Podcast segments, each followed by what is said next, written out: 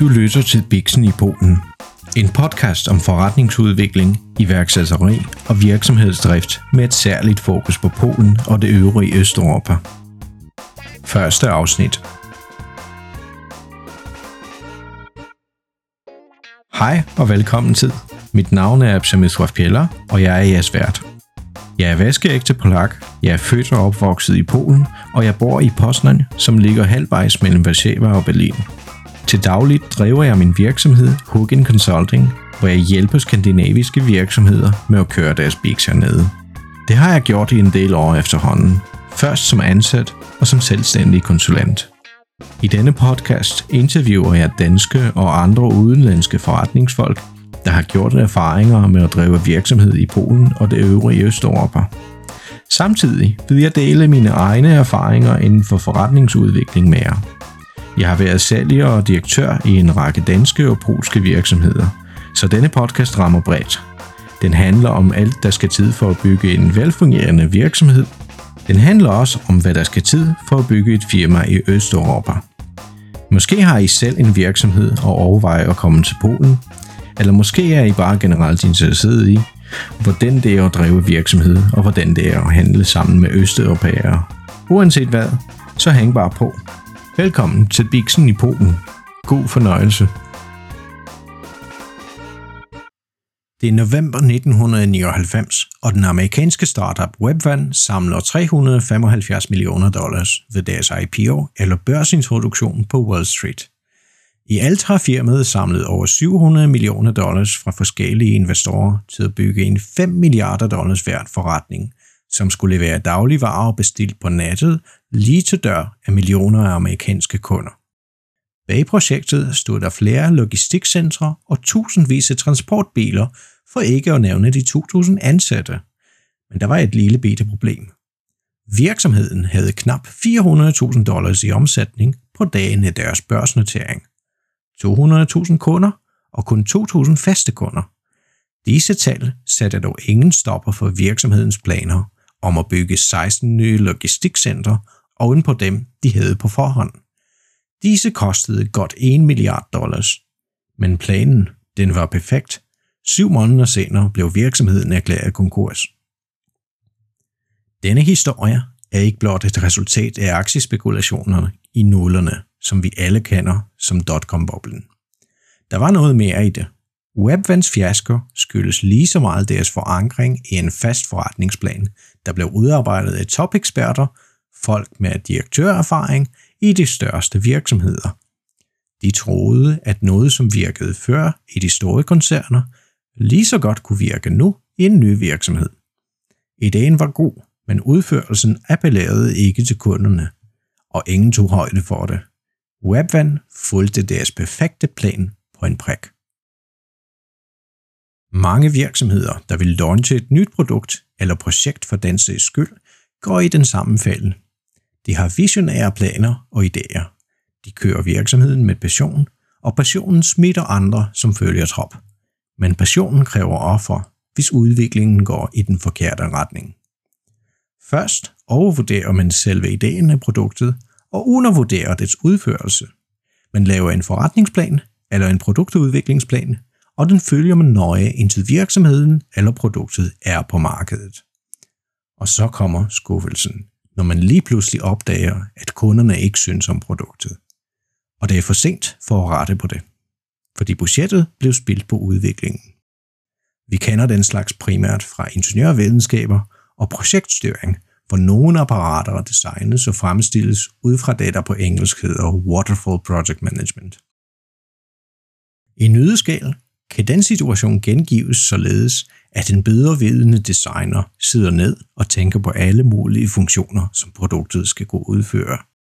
Disse bliver designet, fremstillet og leveret til slutkunden, og det er først efter at slutkunden får fat i produktet, hvor det viser sig, at den enten er for svært at bruge, eller for dyrt i forhold til de mange unødvendige ting, man nu kan gøre med det.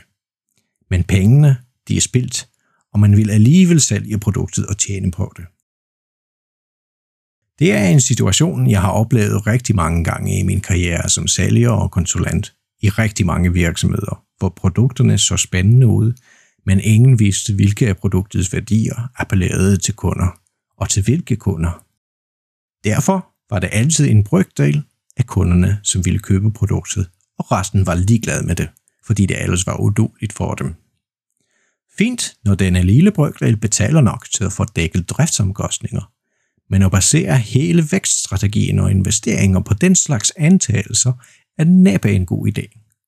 Hvorfor ikke bruge tiden og pengene fornuftigt lige fra starten og skabe et produkt, der dækker de virkelige behov? Det er også lige sådan, de har det nu med denne podcast. Jeg starter det første afsnit med et lyttertal på det runde 0, og jeg aner ikke, hvad der vil appellere til dig, kære lytter. Derfor betragter jeg min podcast som et produkt, der både skal udvikles og sælges i takt med markedsfeedback. Så uanset om vi udvikler et nyt produkt, laver podcast eller planlægger omstrukturering af en virksomhed, skal vi involvere vores kunder i udviklingsfasen, hvilket jeg hermed vil gøre. Historien i begyndelsen af denne podcast kommer fra bogen The Startup Owners Manual, Volume 1, The Step-by-Step Guide for Building a Great Company af Steve Blank og Bob Dorf. De to forfattere til bogen står også bag processen kendt som The Customer Development Model, og det er denne model, jeg vil benytte mig af for at lave denne podcast. Den har jeg også brugt flere gange med mine polske kunder, der havde brug for hjælp med salg af deres produkter og øvelser i Skandinavien. Mange succesfulde virksomheder, der bygger alt deres salg på stifternes netværk og kompetencer, ofte fejler i skalering af forretningen, fordi de ikke ved, hvordan deres tidligere succes kan oversættes til salgsaktiviteter, der giver et godt resultat. De fleste bruger bare den samme proces, som virkede i andre virksomheder for mange år siden. Customer Development modellen har den store fordel i, at den tvinger virksomheden til at tage et kig på sit produkt og hele forretningsmodellen, som efterfølgende testes og valideres af kunderne. Den største gevinst er, at man ikke bruger for mange ressourcer til ineffektiv salg og marketing, inden man har udarbejdet en skalerbar forretningsmodel, som nemt kan læres af folk i salgsafdelingen og alle nye medarbejdere, som skal bidrage til, at firmaet vokser. I en nødeskal kan den proces, der ligger til grund for et skalerbart firma, gengives i, at som udgangspunkt skal der udvikles et produkt, der tilfredsstiller et virkeligt markedsbehov, og derefter skal det produkt leveres og sælges på en måde, der kan beskrives som en gentagende proces, der altid giver lignende resultater. Ligesom i naturvidenskaber, hvor et eksperiment kan gentages flere gange, og det altid giver samme eller lignende resultat. Eller sagt på en anden vis, det er ikke rigtig klogt hele tiden at lave den samme ting og forvente forskellige resultater hver anden gang. Jeg vil ikke gå for meget ind i detaljer af Customer Development Modellen i dette afsnit, så jeg henviser jer, der vil lære mere om processen til Steve Blanks bog.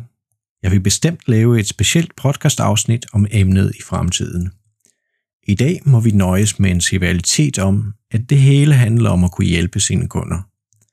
Grundstenen i Customer Development Modellen er dens manifest, hvis hovedpunkter vil jeg citere og kommentere på i det næste afsnit af podcasten, som vil udgøre en slags bonus til dette afsnit. Hvis du har lyst, må du sætte dette afsnit på pause nu, lytte til bonusmaterialet og vende tilbage, men det er ikke nødvendigt for at kunne følge med i dette afsnit. Som mit produkt, som jeg er i gang med at udvikle, er denne podcast – den skal være gratis, men den skal alligevel tilfredsstille en række behov både hos dig som lytter, skråstrej kunde, og mig som dens producent og vært. Bare rolig, jeg vil ikke sælge dig noget i denne podcast, men i overført betydning skal du som kunde, skråstrej lytter, få noget værdi ud af at lytte til mig. Og det skal give dig et godt afkast for al den tid, du har investeret. For at begge dele kan lykkes, har jeg brug for din hjælp. Denne podcast laves ud fra mit koncept, om det er godt eller ej, det må tiden vise. Jeg har gjort en række antagelser, men i sidste ende bliver det op til mine lyttere at afgøre, hvordan det hele kommer til at se ud. Nu vil jeg dele hele ideen bag Bixen i Polen med dig, og jeg vil sætte en stor pris på din feedback. Så skal du være mere end velkommen til at sende en e-mail til mig eller connecte på LinkedIn. Del din mening, skriv en anmeldelse på Apple Podcast. Lad mig se, at du er der og har lyttet til det første afsnit. Lad mig vide, hvad du synes om konceptet. Der er to hovedformål med podcasten. Det ene er enkelt og selvseende. Det skal være ren vidensdeling om forretningsudvikling, virksomhedsdrift og salg og marketing generelt. Hvorfor hedder det så Bixen i Polen? Det er nu det andet formål, som har at gøre med min baggrund og ekspertise.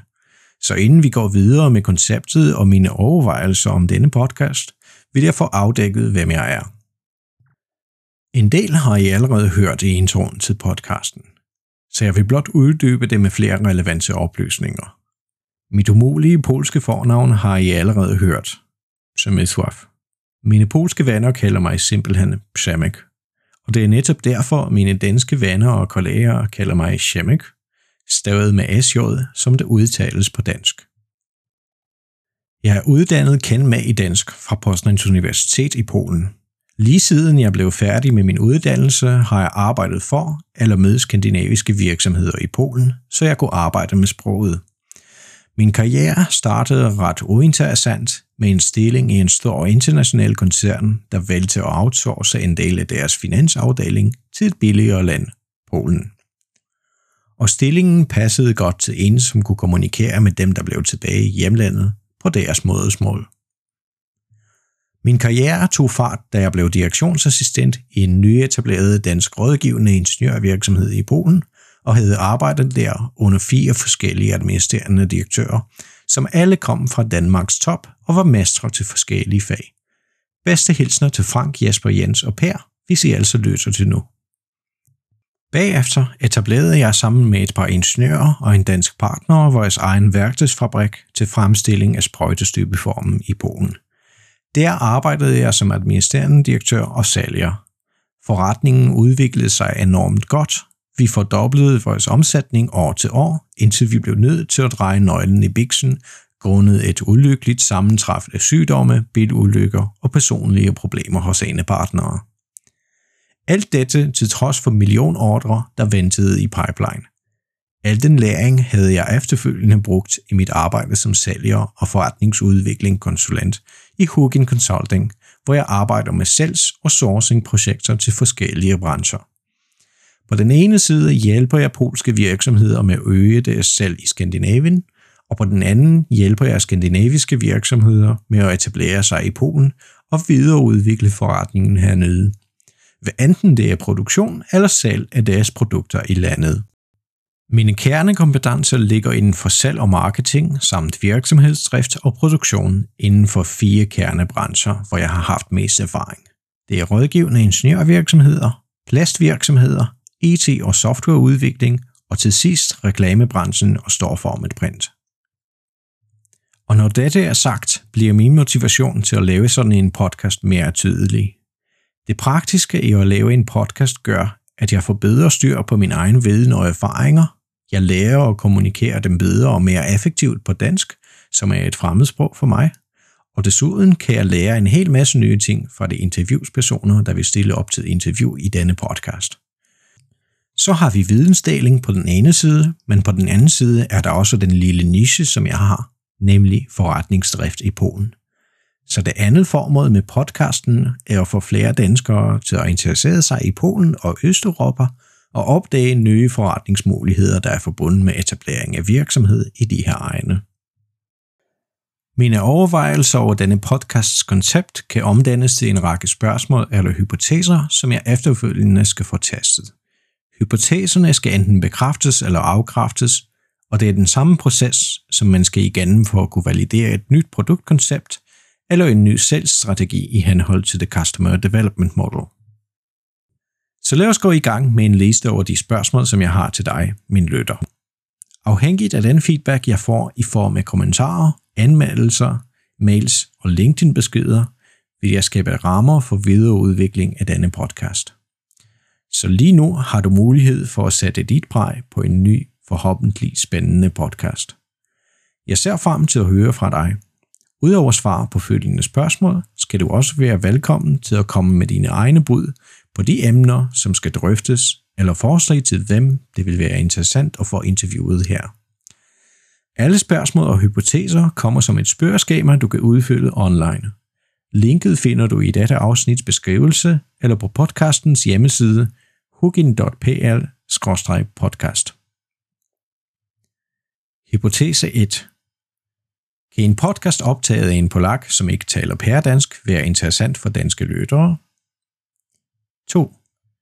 Hvad skal der tid for, at denne podcast bliver interessant for dig? 3. Burde den alene handle om forretningsdrift i Østeuropa og Polen, eller skal den også være mere generel, så den bliver interessant for folk, der ikke nødvendigvis deler interessen for Østeuropa?